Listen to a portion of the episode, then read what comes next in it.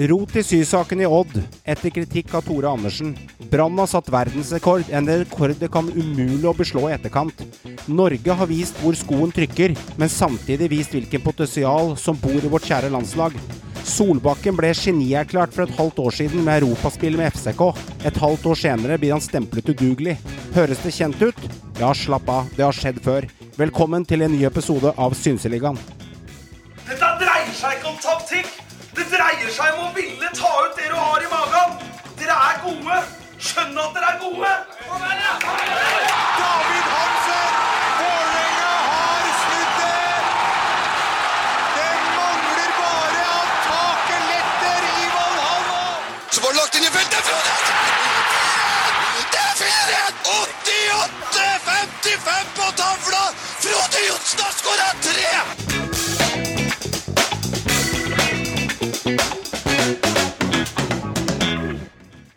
Da er vi fulltallet i panelet, og forrige gang vi var fulltallet i panelet, så lovte jeg guttene at eh, da blir det quiz. Så jeg kommer til å si til dere karer at jeg har rett og slett diska opp en ny quiz denne uka. Og eh, gleder alle barna seg i panelet til quiz. Vi kan starte hos deg, Håvard.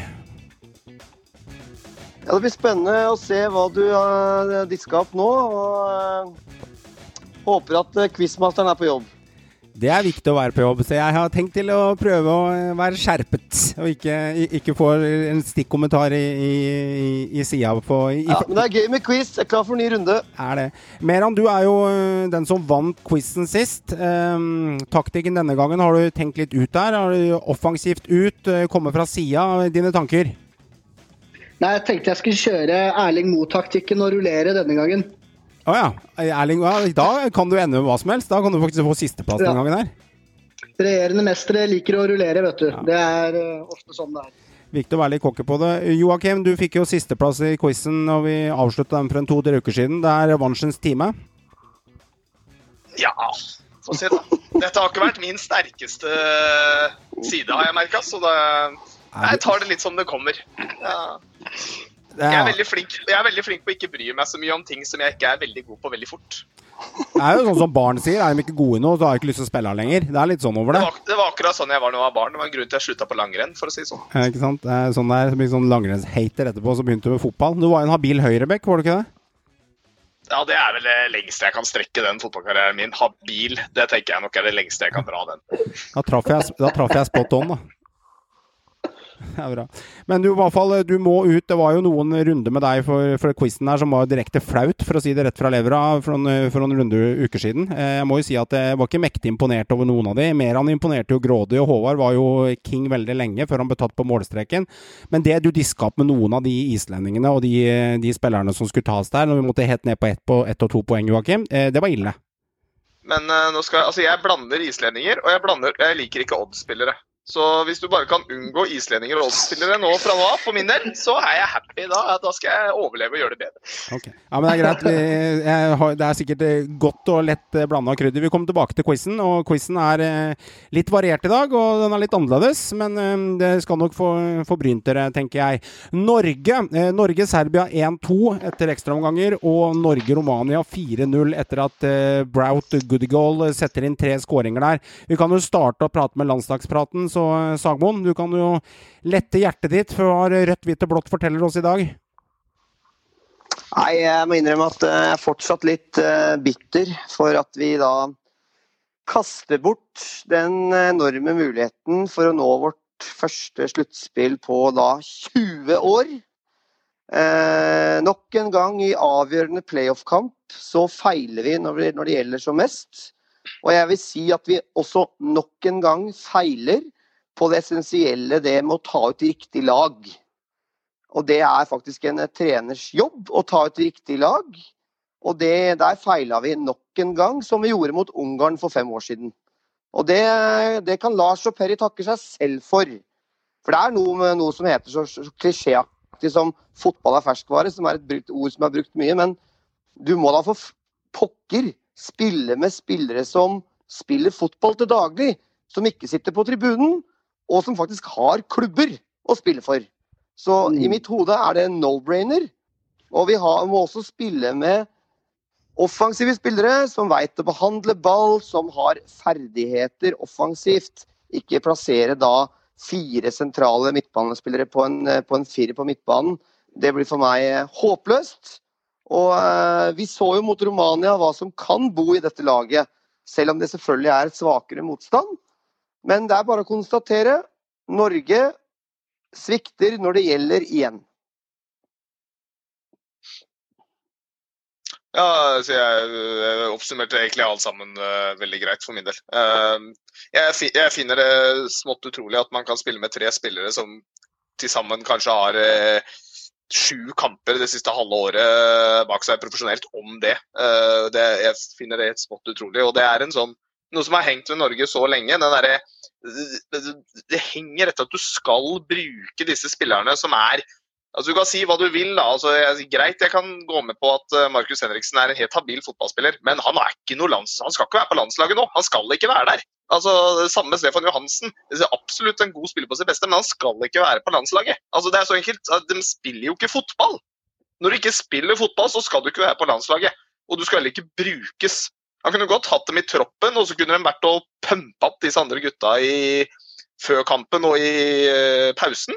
Men det er det eneste de skal gjøre. Så får du la disse som faktisk spiller daglig, få lov til å vise seg frem. Og la unggutta spille. Og det så du jo mot Romania. Da fikk unggutta spille. Og det gikk jo en del bedre, kan du si. Altså, Vi skal ikke glemme at det rumenske laget det, det er ikke noe kasteball. De spilte også playoff samme som oss. De slo Østerrike borte i forrige kamp. Østerrike som vi tapte klart mot. Og vi slår dem da 4-0, og det kunne vært 6-0, kanskje til og med mer. Vi var totalt overlegne. Og jeg er ganske sikker på, det vet vi aldri svaret på, men hvis dette laget her, som hadde starta mot Romania, hadde spilt mot Serbia, så hadde det vært et, et hvert fall de hadde muligens tapt. Men da hadde du ikke fått det derre hva hvis vi ikke gjorde det og det. Ikke sant? Da, da, da har du spillere som spiller fotball, som er i form, som har kvaliteter og ferdigheter med ball. Du kan ikke ligge på hjemmebane og skal forsvare deg til å gå videre i playoff. Du må, du må gunne på, du må satse. Du må spille med spillere som byr på seg selv, da. Mm. Og det gjorde ikke mange av de som var i elveren. Men det skal sies, det er ikke kun de som svikter. Hele laget svikta. Også de unge talentfulle som ikke var på, på topp. Men det er vanskelig for Braut og Sørloth og gutta å få noe særlig å jobbe med. De fikk jo knapt baller å jobbe med. Vi var rett og slett pissa på Serbia. Så ærlig må vi være. Heldige som fikk ekstraomganger. Uh, og Serbia var klart best. Ja, men Jeg er enig i det. Men jeg mener også at det at eh, det Håvard sier, at det, det får vi aldri vite. da, Hadde elveren vært lik som det var mot Romania, så hadde kampen, eller kampbildet vært litt annerledes. Og Det kan jeg bare si med en gang, for jeg leste, leste Fifa-rankingen. Romania ligger på 25.-plass på Fifa-rankingen, Serbia på 29.-plass. Så det skal ikke være sånn sett stor forskjell, men det var jo natt og dag. Og jeg tror rett og slett det har noe med startelveren å gjøre. Mm. Joakim, du nevner at du vil ikke se spillere som Johansen og Henriksen på banen som ikke spiller fotball. Hva er det du legger i det? De, er, de er jo ikke faste klubbspillere. Altså, du, hvis du skal ta oss ut på landslaget, da, så er det veldig enkelt. Landslaget det bør være de spillerne som til enhver tid er regnes som de beste spillerne, som har prestert best i en, en periode i forkant. Ja, selvfølgelig, du vil gjerne ha den stammen som Lagerbäck er så glad i. Han er glad i å ha stammen, og Henriksen Johansen er en stor del av den stammen. Ja, for det er jo fordelen med å velge de. Det er jo fordelen med å velge ja, de. men det er jo ikke noe fordel når de ikke spiller fotball. Altså Disse gutta står og trener, men de har jo ikke spilt jeg ikke, Har de spilt en tellende kamp, noen av dem, nesten, det siste halvåret? Og De har jo ikke det. De har jo ikke spilt en tellende kamp. Hvordan kan du regne med at de skal klare seg i en EM-kvalikkamp da? Og begge de to spillerne hadde ikke en god dag på jobben. Det var ikke noe god, det var midtbanen først og fremst som svikta mot Serbia. Midtbanen svikta komplett. De klarte ikke å lage noe, de klarte ikke å holde på ballen. Eh, og det er uten tvil pga. det at eh, ikke, ikke bare de, men å ha da spillere som ikke er i kampform eh, på et landslag i en så viktig kamp, det er for meg en gåte. Det skal jo ikke gå an. Altså, altså for å si Det er det svikta aller mest, det var eh, venstresida til Norge. Med Haitam Alesami Ja. og Stef Stefan Johansen. Hvor Og ingen har spilt fotball. eksempel, der har du et godt eksempel. Der har du én klubbløs spiller, som er Haitam, og så har du én spiller som sitter på tribunen og varmer, eh, varmer knapt benken i Fulham. For det, det gjør ikke Johansen. Han er helt ute. Helt, Helt i fryseboksen. Og forrige kampen han uh, spilte, var han, kom virkelig innhopp i Lia-cupen. mot lavere motstand. Og så spilte han mot Nord-Irland. Mens Haitam har ingen klubb. Mot Nord-Irland, eh, sorry, mot Romania, så fungerte venstresida. Det var kanskje noe av det bedre. Med Birger Meling, som gjør en klassekamp. Og så har du Mo Elonussi, som har ferdigheter som spiller wing til vanlig. Det er også et godt mm. poeng. Vi må spille med spillere som er i riktig posisjon. Hvor skal vi drive og, og rullere på det der på landslaget og sette f.eks. en sentral defensiv midtbanespiller som venstrekant? Jeg forstår det ikke. Det er ikke Nei. logikk i det i det hele tatt. Og så så du også forsvaret til Norge var, var, var helt også i ubalanse mot Serbia. Og det virka som at det, det spredde seg en sånn usikkerhet over hele linja. Og det skal sies at dette sitter jo mye i ho hodet fotball, det vet vi. Men, men, men du må i hvert fall klare da, å ta ut riktig lag som har noe å by på offensivt. Vi skal liksom forsvare oss til å gå videre. Det, det nytter ikke. Du må, du må satse, du må gønne på. Du må bruke de kvalitetene som er i laget offensivt. Og det klarte vi ikke i det hele tatt. For en ukes tid tilbake så snakket vi om hvem du gjerne ville se Håvard starte der. Du var inne på nordmann. Vi så jo hvordan det fungerte mot Romania. Han eh, tok det med begge hendene, han, og smelte til. Så han kom jo inn i pausen mot, uh, mot Serbia Skårte mål mot Serbia. Mm. Han skulle jo selvfølgelig starta. Vel bevares, riktig. Og så var du inne på Meling, og så hvilket eh, inntrykk han gjorde i tillegg eh, mot eh, Romania. Han herja jo på, som offensiv back der. Jeg syns det var gledelig å se, så det var inne på mye der. Hva tror du Perry og Lagerbäck mer han tenker nå? Surra bort den største sjansen av de, ja, ta tre poeng mot Romania, og kommer liksom halvveis unna med det, siden de dunker Romania rett igjen hjem med 4-0, og viser hva som bor i laget. Men den store gullbilletten mot Serbia, den skylte vi ned i toalettet. Meran, hva tenker du eh, om eh, dems tanker nå? Nei, jeg syns du oppsummerer det fint. Vi skylte det ned i toalettet. Eh, men det får vi jo aldri svar på. Fra Lars og Per i hvert fall. Jeg, jeg fatter egentlig ikke det laguttaket, og jeg, jeg kan ikke skjønne hvordan de kan forsvare det. Rett og slett. Det, det er min tankegang til det, det er min holdning til det. Jeg tenker egentlig bare Ståle, Ståle, Ståle, Ståle, Ståle nå, jeg. Det, jeg er ferdig med Lars og Peri. Jeg savner helt ærlig en, en større ydmykhet av eh, landslagsledelsen, av trenerteamet, av Peri og Lars. Og rett og slett litt sånn hands up. Vi bomma. Vi, vi, vi tok feil, eh, rett og slett. Vi, dette her var feil lag som kom på banen. Og så sitter du og hører på Lars Lagerbäck som nærmest forsvarer og blir irritert fordi han får spørsmål rundt laguttak. Og så presterer du å si, eh, litt sånn flåsete til journalisten, si meg hvem andre vi har. Det er, det er rett og slett eh, håpløst av landslagstreneren. Og det er, det er dårlig gjort overfor de som satt på benken som kunne kommet inn og bidra. Fordi Mm. det er veldig mange alternativer som er bedre som venstrekant enn Stefan Johansen. Det er flere spillere i den troppen som er det. Bl.a. Moi som starta. Og så har de ikke minst Jens Petter Hauge. Og Men det verste av alt syns jeg er Haitam, som er klubbløs, som ikke har spilt på år og dag. Og så har du Birger Meling, som kanskje er banens beste mot Romania. Ikke sant? Det, det sier seg Mm. sjøl. Mathias Nordmann, det var det eneste han, han tok selvkritikk på. Han skulle starta. Men han kom jo inn og er nærmest banens beste for Norge. Så her er det dessverre kasta i dass. Og så er det to år til neste gang. Så får vi se. Mm. Lite glede her er jo at uh, Jåpe Hauge får sin debut. da. Man får, når vi leder 4-0 med han, så får han seks minutter.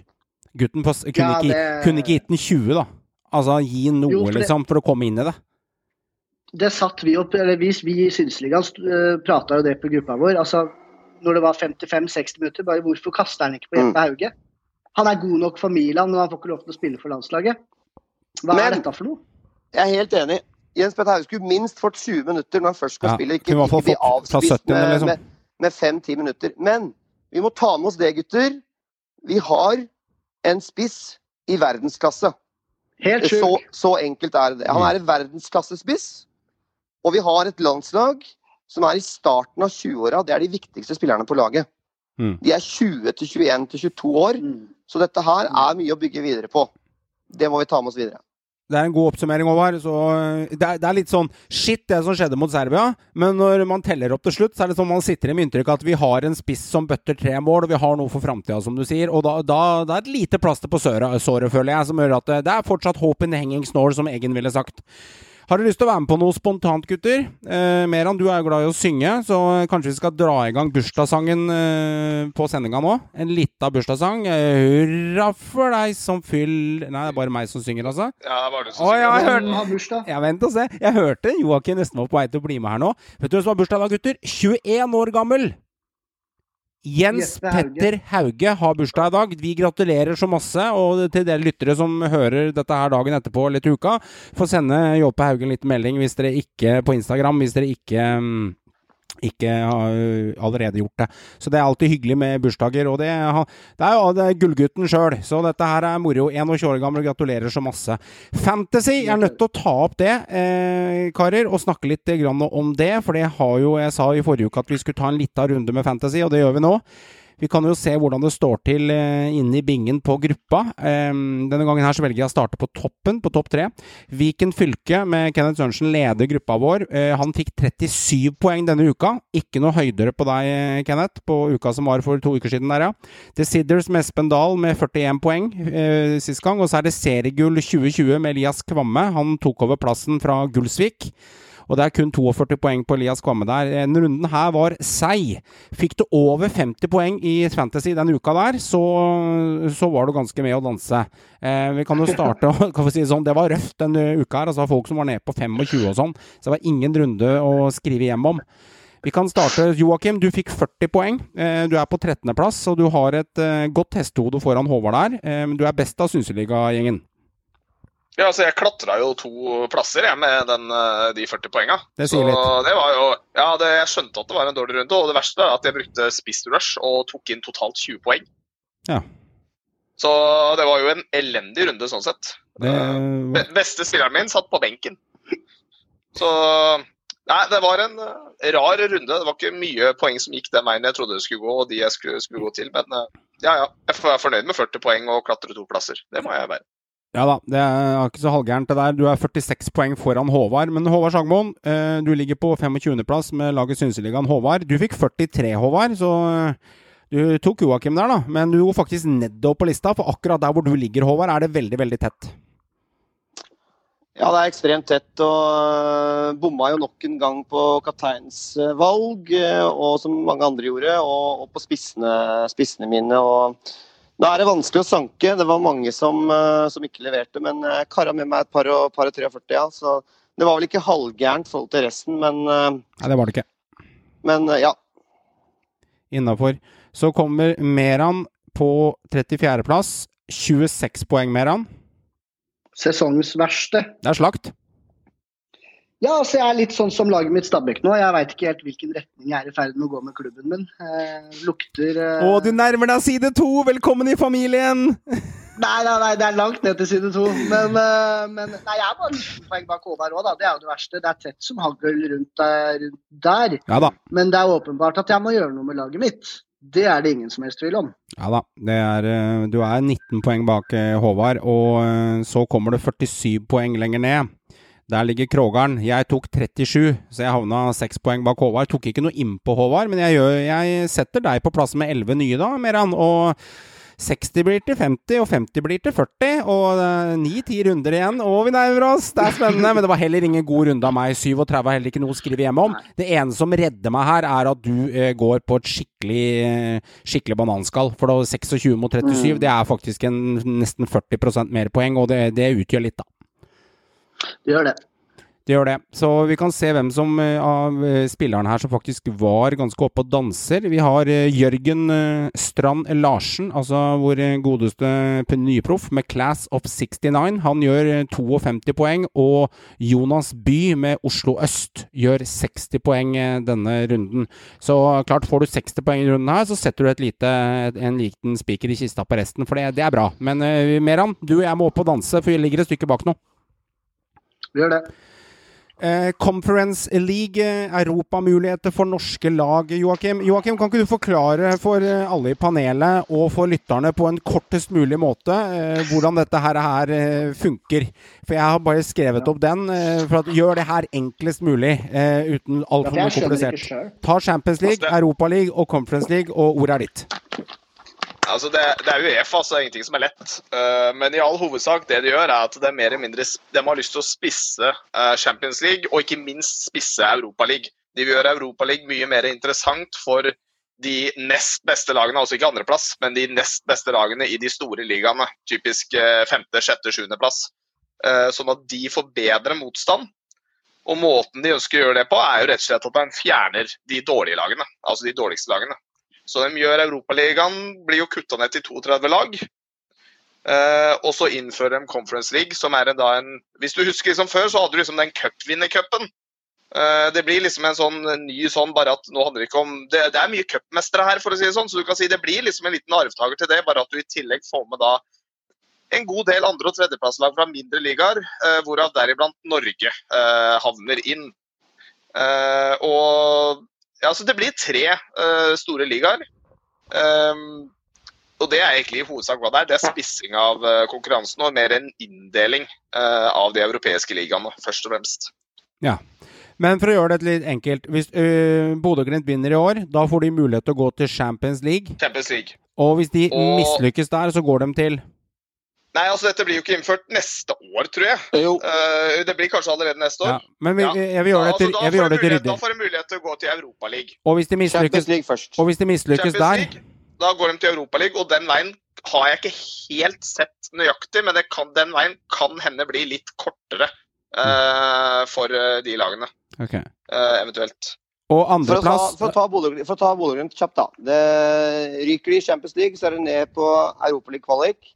Ryker de der, så går de også videre da til Conference League. Så de får på en måte tre muligheter, Glimt. Er du sikker på den siste? Ja, jeg er Fordi... sikker. Jeg er sikker. Ja, okay. Sikker. Ja, det er jo okay. sikkert. Og det er jo egentlig er jo det en veldig fordel, for da har du eh, one, two, three, du har tre muligheter. Og det, det, er jo en liten fordel hvis du vinner ligaen, hvis du skal se det fra ditt, ditt syne. Det er jo en liten en. Ja. De, de, de, starter der oppe på øverste Ja. trappetrinn, og så går de videre, så har de jo bare, bare de første rundene så har de jo gode sjanser til å gå inn i gruppespill. Men Glimt har jo fortsatt, da, for å ta det sånn, de en eh, Det er vanskelig med Champions League, det, det vet alle. Men de har vel en, en fair sjanse til å gå til Europaligaen neste år. Eh, Champions League blir nok veldig vanskelig uansett for hvem lag det nå måtte vært. Men jeg tror nok vi kommer til å se norske lag i Europa neste år. Men, eh, men det spørs jo helt på de andre lagene bak der, da. Hvordan den veien blir. Nei, altså Det er jo allerede lagt fram. Og, og det poenget er at de lagene bak har ikke sjanse til noe annet enn Conference League. Cupvinner andre- og tredjeplass i Norge vil kun kunne slåss om Conference League. De aldri, vil aldri få mulighet til å komme til Europa League.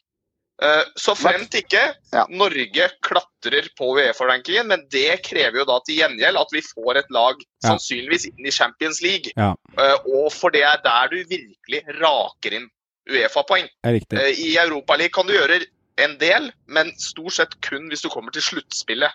Eh, I gruppespillet så tjener du ikke masse Uefa-poeng på å spille i Europaligaen. Det, det er i forhold til lagene rundt deg, som da gjerne har noen som kommer til sluttspillet, eller er i Champions League. Men hvis vi Så- ser på land som vi konkurrerer mot, som f.eks.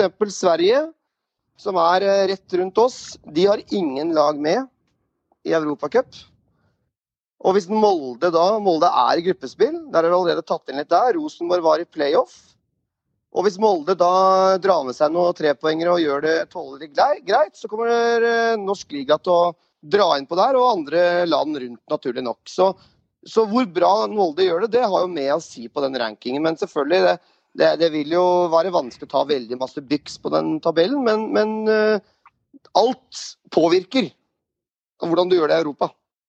Ja, og det er hovedpoenget. Og du må klatre. Du kan ikke, hjelper ikke å klatre et par plasser. Du må vel klatre helst innenfor topp 20 for å begynne å kunne få noen andre muligheter i de større ligaene.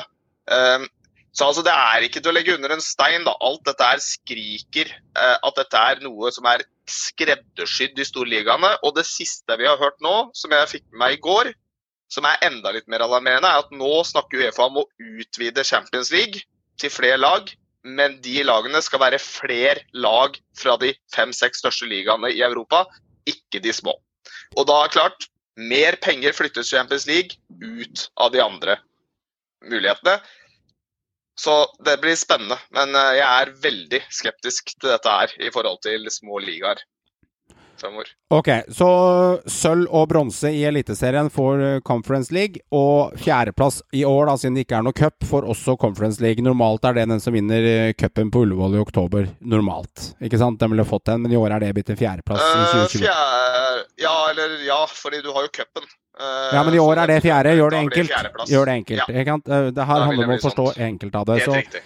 Gull går for alle tre cupene starter på Champions League og spiller seg ned. Får du andreplass, så går du rett til Conference. Dvs. Si at Europaligaen er helt uaktuelt, så lenge ikke Bodø-Glimt Yes. eller Molde gjør det helt sinnssykt øh, framover, eller Molde gjør det helt vilt, Håvard, eller Norge hadde kommet seg videre. Vi er avhengig av det norske landslaget, og vi er avhengig av Nei, det har ikke noe med landslaget å gjøre. Eh, ikke landslaget. Dette Beklager. er Det må du ikke blande inn. Landslaget stryker vekk. Vi er avhengig av at norske lag gjør det bra i Europa, eh, og helst, og helst over tid, og det har vi ikke akkurat prestert veldig på. Så, men det er en liten fordel her. Vi kan jo synse litt rundt det. Hvis det er 250 millioner å komme inn til Euro eh, Champions League, og det er mellom 100 til 120 å komme igjen i Europa League, ikke sant? Så Det er mer, det er 150 cirka, kan du regne. Ja, cirka, da. Cirka. Men sånn Ja. 150, 120, 130, 150. Det er ikke liksom så pirkete. Men uansett. Ja, da må jo summen for Conference League La oss bare synse, vi vet ikke noe svar enda. Men da må jo den ligge mellom 40 til 60 millioner et sted. Jeg antar jo det at det må være noe premier der. Det må være Altså, for at Mm. Aston Villa eller Everton, og bare finner jeg på en lag her, skal gidde å spille de cupene, for de er ikke gode for Champions League i Europaligaen, da må jo de kunne sende et godt nok lag på banen for å gidde å møte opp og gjøre et godt resultat, Joakim. Mm. Ja, eller Det blir jo ja og nei. Det som er poenget med, Du må huske på at uh, grunnen til at det er mye penger i Champions League, uh, er rett og slett fordi at Champions League tjener inn alle pengene. Og mer.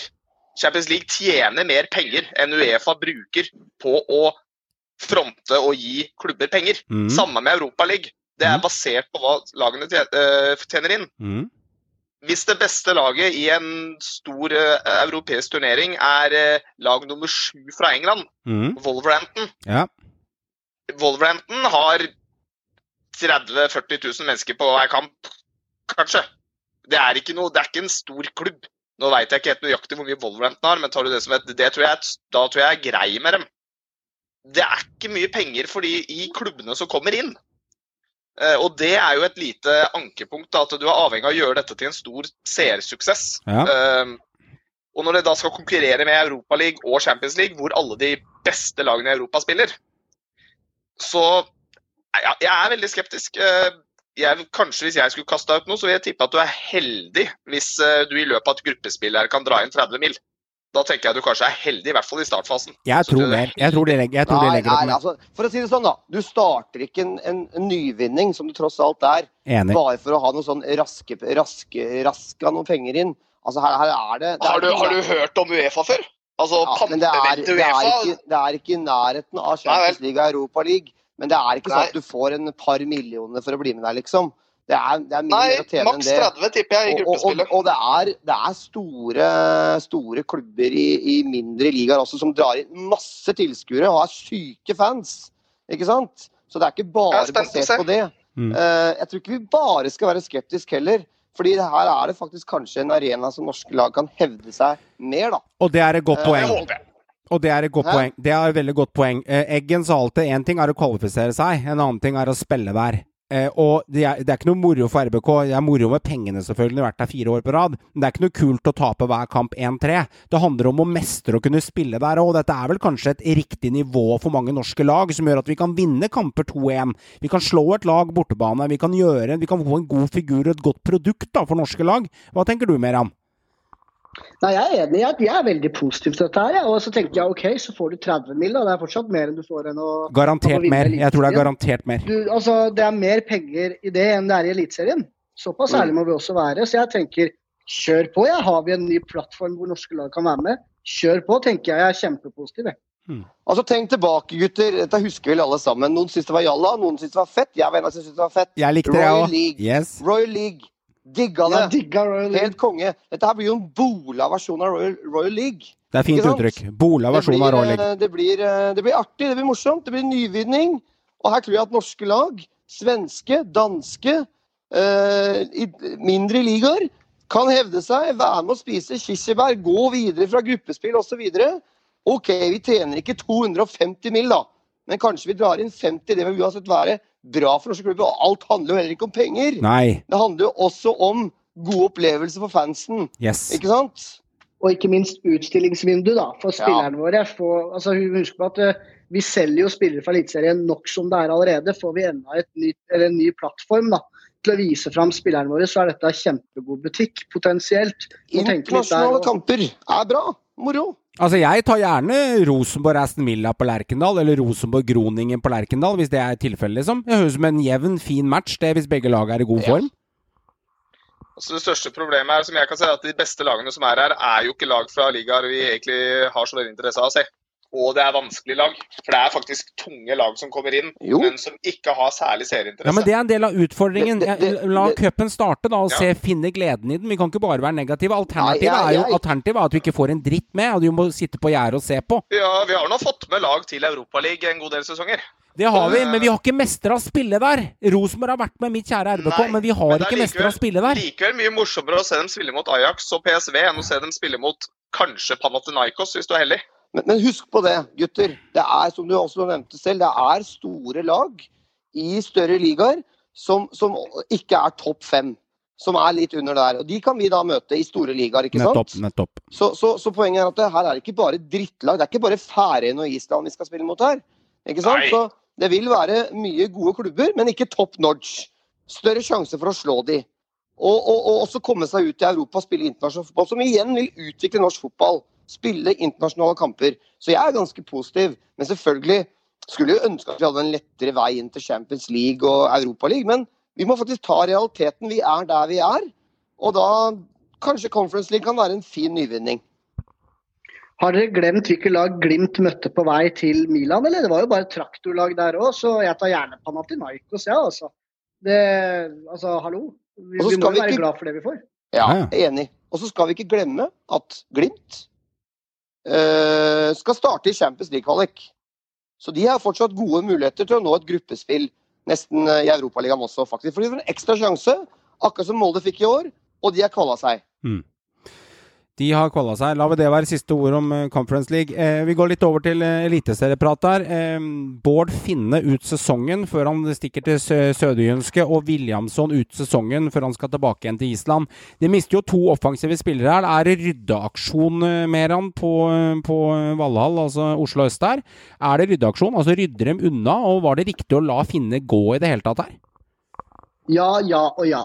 For det første, litt deilig å ha litt eliteserieprat igjen. Takk for det. Eh, jo, finne ut. Det er, det er opprydning. Og så tror jeg det var en, eh, en god deal for Vålerenga òg. Og Finne får da fire år ute i, i Danmark. Fint, det. Han, jeg, jeg føler ikke at han er god nok for det Vålerenga-laget per nå. Williamson skal hjem, han begynner å dra på åra, så, så det er jo også greit nok. Men Enga rydder, og, og det er positivt for Enga. Bare en liten info der. Eh, Finne fikk faktisk tilbud om ny kontrakt i Enga. Ok. Men han takket nei. Enga tjener ikke en dritt på overgangen. Han går ut kontrakten Mm. og drar dra videre til Danmark på en fireårskontrakt.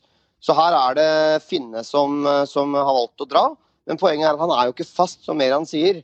Han er jo ikke i en elver hos eh, Fagermo. Mm. Og han tenker jo sikkert på at her er det større muligheter for meg å få et lite dansk eventyr. Og det skjønner jeg godt. Og så skjønner jeg også Enga. At de ikke legger så mye grunker i bordet for å dra ned videre. Og Matti er gammel og vil hjem til Island og bidra litt, bi, bi, nei, og bidra litt der hvor det hele starta. Mm. Det er vel egentlig det han har sagt òg. Han har lyst til å vende hjem og, og, og på en måte avslutte hjemlig liga i Island. Eh, Vi har fortsatt av svar på spørsmålet mitt. Jeg skjønner at dere syns det var ok overganger, men er det en ny vei for Enga? Eh, Rydder dem litt unna for å skape noe nytt nå, og i så fall hva i tillegg skaper dem? Altså, jeg tror, jeg synes jo helt ærlig at det er ikke noe, det er ikke noe tap for Vålerenga. Eh, For å være helt ærlig, de har unge fremadstormende spillere på vei opp og frem. Og for å være helt ærlig, ja, Bård Finne han skårer litt mål. eh, kan komme inn og bidra. Han har faktisk putta litt nå i det siste, men jeg mener jo helt ærlig at de er bedre alternativer i klubben uten han. Mm. eh, på, på kant der, med Saroui og Dønnum og osv. som Mm. kommer fram der. Eh, Matti er ikke god nok til å spille spiss i, i Vålerenga. Eh, Det er sikkert noen andre norske lag som kunne hatt nytte av Matti, men, men jeg skjønner godt at, eh, at Vålinga ikke fornyer med han, da, for å være helt ærlig. Han er over toppen så det holder. Jeg tror heller ikke Benjamin Stokke står eh, først inn på kontoret der til Jørgen for å signere en ny kontrakt heller, så det, Altså, han er ferdig. han er også ferdig, tror jeg, så da er det tre offensive ut der. Det blir spennende å se hva de henter inn. Det er jo øh, han Kamara som jenta fra Sverige der, altså heller ikke slått han veldig, siden han var en spiller de kjøpte for noen kroner etter Mm. Juke. Snakket lite om i år. Litt glemt spiller, føler jeg. Um, Mm. han blir sett på som å ha mye ferdigheter og var en sånn minikopi av Juke. Jeg har ikke sett snutten av det. Skal sies at det tok lang tid med Juko, Ikke mange som tenker på. Det tok lang tid å utvikle han til å bli en toppspiller. Eh, Samme med Alansinho back in the days også. Eh, noen spillere trenger tid. Selv om dette her var en spiller som ble henta fra svensk klubb som faktisk gjorde det bra i Allsvenskan. Men uh, han er fortsatt ung. Eh, Det kan jo hende at man bommer her også på den spilleren. Det er jo fort fare for. Vi har, vi har jo ikke sett så mye av det hittil. Nei. Ofte så pleier vi å se kvalitet Håvard innimellom i enkelte kamper som Mm. viser at en spiller har noe. Men Mm. uh, her føler jeg ikke jeg har sett noen ting, egentlig. Nei, eh, spille med, med, med fart og sånne ting, men du har jo ikke sett mye sluttprodukt. Det har du jo ikke sett i det hele tatt. Men uh, mulig at man kan se mer, da, nå som Finne, finne forlater. ikke sant? At da slipper de flere unggutter til. Mm. Han er jo ikke gamle gutten, den afrikaneren. Han Kamara, det er han ikke. Mm. Det litt spennende da at de slipper eh, tre litt gamle stallhester der, og så så får vi se hva de klarer å diske opp. Jeg tror nok at Fagermo og eh, Team Oslo har en, har en plan rundt det. Enga har jo en fin sesong nå, så de ligger jo, ligger jo godt an til å kjempe om disse medaljene. Brann satt verdensrekord med han. Er det mulig å slå 23.59,59? Altså, da må vi gå på desimaler hvis den skal slås i transfervinduet noen gang igjen. Så det er jo Altså, Bergen er en vakker by, og det er mye sånn halvrekorder på alt mulig rart, inkludert regn, men nå har de tatt en rekord på transfermarked som lar seg høre. Ja, den er ganske drøy, altså. Så vil jeg også faktisk si godt jobba til, eh, til herr sportssjef. Eh, Godt jobba. Fordi vi, vi, jeg trodde faktisk Brann skulle gå ut vinduet uten å signere noe offensivt der. Mm. Så, så at de klarer å lande Sander Svendsen der, det, det sa jeg til Håvard tidligere i dag, og jeg syns det er meget sterkt. Hva tenker du om spillerne mer i forhold til åssen Brann har lyst til å spille? Ja, men jeg tenker det kan være veldig positivt. Altså, han er jo ikke en fyr som har målpoeng hver eneste kamp, men han er der. Han bidrar med målpoeng. eh, Og bidrar med et vingspill som kan være med å eh, gi litt frisk pust da, til det offensive brannspillet, og kanskje servere bomba eh, litt med målpoeng òg. Så jeg, jeg, jeg tenker dette her er bare vinn-vinn for Brann. ja. Mm. Og velkommen tilbake til Sander Svendsen, tenker jeg. Mm. Jeg er eh, veldig fornøyd med Svendsen, og eh, ikke glemme Mathias Rasmussen heller. Veldig fornøyd med to offensive spillere inn, som også er unge fortsatt. Og som har ferdigheter og fart i beina. Det trenger det brannlaget. Når vi mista Gilbert, så var det ekstremt viktig å få inn offensiv kraft inn. Og eh, som du sa, Meran, shout-out til Soltvedt, som klarte å lande dette her når Ulland-overgangen røyk. Kasta seg rundt Mm. og fikk eh, satt en ny verdensrekord der med, med ett sekund, og, eller hva det nå var for noe. Så god hjelp av NFF også, som var raske på labben og, og faktisk også støtta Brann i, i, i Fifa-saken som det ble. Det ble sendt til Fifa, og de fikk medhold der. Og det var, det var deilig å se litt, litt medgang, for en gangs skyld. Men han var jo på TV-sending Håvard, tre eller to timer før eh, deadline-fristen gikk ut, og da sa han at her er det stille i døra, hadde tid til å prate med Jonas fra Eurosport i et kvarter der på direktesending utafor stadion. Eh, var det et show for galleriet at han ikke hadde noen i kikkerten, eller tror du faktisk den dukka opp så kjapt den her at de så vidt rakk papirarbeidet? Jeg håper det siste, for da viser de at de snur seg fort. For hvis de hadde planlagt å hente han her og, og close dem på et sekund før tida, så kan du begynne å lure om det er litt sånn slett arbeid, da, siden man closer han på akkurat sekundet før, og litt sånn på grensa til tvil, hele greia. Ja, men altså, dette her er jo ikke gjort i, på fem minutter, sånne overganger. Det er det ikke. De har, jo, de har jo caser de jobber med. Og det kom jo fram at det var Ulland som var hovedcasen. Mm. Når den røyk, så måtte de kaste seg rundt og se på muligheter. Mm. Og så kom det også fram at Sander Svendsen var linka til Molde. Han hadde samtale med Molde, men blei ikke enig der. Og da, når den eh, casen ble droppa for Molde, da kasta Brann seg på. Det er på en måte det som har skjedd her. Ja. Og, så skal du også da Det er agenter i begge klubb, begge leire. Det er spiller. Det er to klubber. Altså, det tar jo litt tid, dette her. Så jeg syns det er all honnør til Soltvedt, som klarte å få landa dette her når Ulland-overgangen røyk. Og den røyk jo da eh, trolig på lønn fra Ulland, som krevde mer. Det er det, det som er indikasjonene her, da. Så hårreisende Ja. Ja, altså Det er jo det man synser om, at det er lønn, men Ja. det kan jo fort hende det er det òg. Altså, hvis ikke han ønska i Molde og ikke kan gå til en av de største klubbene på publikum og rykte Brann, eh, hvor skal han spille en da? Det er det store spørsmålstegnet. Altså, hva er neste klubb da? Så Da tenker jeg han kan bli i Molde og sitte på benk der. ja, ha god lønn, da. Få betalt litt på huslån og hygga seg. Det er fint, det. Um, Ålesund hadde en case der eh, med, med Ikke bare er de nederst på tabellen, eh, Joakim, men uh, de har jo ikke bare én, ikke to, men de har jo en halv stamme av folk som har skriket skjellsord til Pellegrino. Og Amal Pellegrino har jo vært ute og reagert ganske tydelig. Han har bl.a. på sin egen Instagram-konto vært ganske skuffet, vist misnøye og lagt ut en, eh, et klipp med en sort skjerm der han eh, fysisk har eh, fil filmet lyden. Du hører i bakkant, der du hører klart og tydelig at man skriker rasistiske strofer mot Pellegrino fra tribunen. Hva tenker vi om det? Ålesund er rett på vei ned. Nå får de denne saken i tillegg, Joakim, på, på skuldrene sine. Er det noe annet enn katastrofe å melde? Nei, altså dette er jo noe som man er håper vant til i jeg vet ikke Hva jeg skal kalle det utenom å tråkke noen på tærne, men i ligaer hvor folk ikke er like oppvakte og voksne som eh, normalmennesker er. Eh, det er jo mange ligaer som sliter med dette her, eh, og det er jo stort sett Bermen som driver på sånn som dette her. og det er klart Da har de en berm borti Ålesund nå, som ikke skjønner hvordan man oppfører seg, og hvordan man er voksen og hvordan man respekterer andre mennesker. Eh, Og det er jo bare et helt eh, Det er, jo bare patetisk og det er tragisk, og det er absolutt ikke det eh, Ålesund trengte nå. Det sier jo seg selv, altså med den sesongen de har hatt.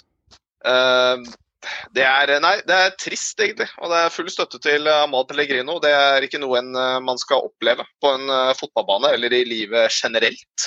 Så skal man ikke måtte oppleve noe sånt. Um, så Ålesund tok grep.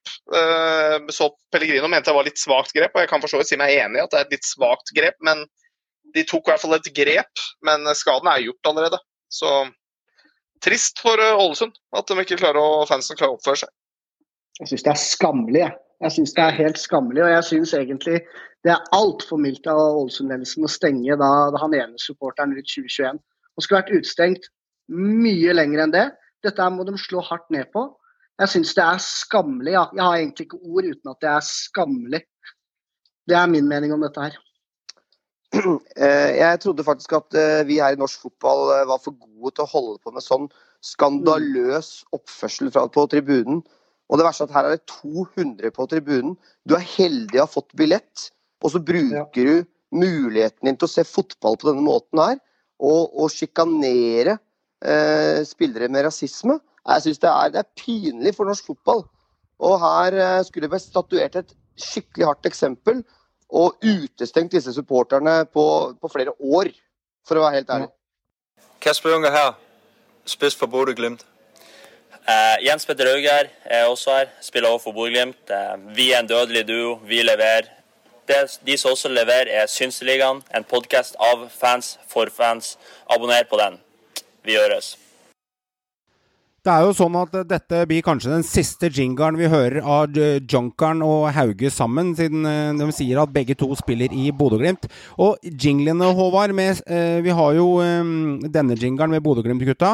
Og vi har i tillegg Jørgen Strand Larsen. Adrian Pereira har hatt en jingle her. Altså Alle gutta som stiller opp, de stikker jo til utlandet. Er det tegn på at vi har plukka de største gutta før sesongstart, Håvard, og spilte dem inn som eliteseriejingle med anbefaling av Synseligaen? Eller har vi bare pur, ren flaks som har kjøpe på Narvesen? Jeg tror vi har truffet ekstremt bra der, og så tror jeg det er et hint til oss. Nå må vi spille ny snart. Ja. Ja. Det vil spille nye. Det er rett og slett, det er derfor jeg sa at dette var siste gang vi hørte den. Og så får vi se om vi klarer å diske opp noen nye. Men det er jo sånn at hvis du kommer med som eliteseriestjerne, Meran, på jingeren til Synseligaen, så Jørgen Strand Larsen, eh, Hauge og Adrian Nilsen Pereira, da blir du solgt etterpå til utlandet. Jeg håper bare vi kan unngå Stabæk-spillere, for jeg orker ikke å se den flere gå ut døra nå. Ass. Det, Skal, jeg skal plukke igjen, jeg. Eh, hva tenker du, Joakim? Nei, altså Jeg er bare glad for at Salvesen skrev ny kontrakt med Godset. Ikke Så sant? Han har jo overlevd den så lenge. Så han blir værende i hvert fall et par år, så det er jeg veldig fornøyd med. Ja, det er herlig. Det er herlig. Jeg liker det. Og ikke bare det, vi har en spiller til òg. Torgeir Børven har jingle i Synseligaen, og han ble jo solgt to ganger i løpet av sommeren over! Så det er, jo, det er jo helt uh, sinnssvakt, de som stiller opp her. Blir jo bare solgt. Det skal sies at eh, stemmen til Børven på den jingelen er jo sånn robotstemme, så det, det er jo så vidt vi hører at det er Børven. Men uh, Han er også, har jo stikket av, så vi har truffet på nesten alle disse spillerne vi har her. Så det er jo det er ikke verst. Det er ikke verst. det er ikke verst. Eh, en ting også som vi må ta opp her, jeg vil prate litt om Solbakken i Københagen. Og vi kan også kaste inn Knutsen-prat i den eh, greia. Det blir jo diska opp et eh, navn fra nord der, eh, som arvtaker nede i eh, Danmarks vakreste by. Nest vakreste by, for det er en by som faktisk er vakrere. Og det er, eh, det er eh, H.C. Andersens eh, Odensen, som er faktisk en veldig flott by. Det interessante der er at eh, hva tenker vi om dette med Solbakken? Vi kan starte hos deg, Meran. Altså, jeg sa i introen vår genierklært eh, gjennom mange, mange år, og nå er han stempla udugelig. Jeg syns det er merkelig, jeg. Men uh, det virka nesten som et mytteri, uh, vil jeg si. Og jeg, jeg tror de har vært uenige om en del ting eh, i lang tid. Og så tenker jeg eh, synd for FCK. Bra for eh, det norske landslaget. For jeg vil ha Ståle inn der asap. Men det er jo hele, hele greia er merkelig. Og jeg, jeg lurer på om det har noe med det intervjuet han la ut for halvannen uke siden også, hvor han eh, kalte en del folk hjernedøde og idioter. Så jeg tror mye har med det å gjøre. Det Og må ha jo noe med det å gjøre, selvfølgelig. Det sier seg selv, det. Absolutt. Men jeg tror det har ligget Men det har ikke bare med det å gjøre. Nei da, Det- men det betyr noe. Men jeg tror Altså- det har ligget altså- og murra en stund. Ja, dette har ligget og murra lenge, og, og selvfølgelig FCK sin ledelse er ikke fornøyd med at de er Danmarks nummer to bak Midtjylland. Midtjylland har tatt over hegemoniet de siste årene og er nå klare for Champions League. Så Midtjylland er, er det beste laget i Danmark. Og de får også sterk kamp av sin hovedrival Brøndby i København. Så, så det ga jo godt på vei nedover. Og det stort nederlag for FCK var jo selvfølgelig at de ikke har kvalifisert seg for verken Champions League eller Europaligaen i år. Det er, ikke, det, er ikke, det er det som er, er det verste.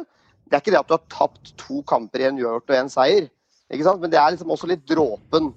Uh, men så har Ståle vært der i en mannsalder. Og jeg tror det at eh, det ekteskapet, det, har slett blitt en skilsmisse nå. De, eh, de har nok på mange måter eh, slitt på hverandre, og, og, og nå var de lei og ville ha en ny retning. Så kan man diskutere om det er rett eller galt.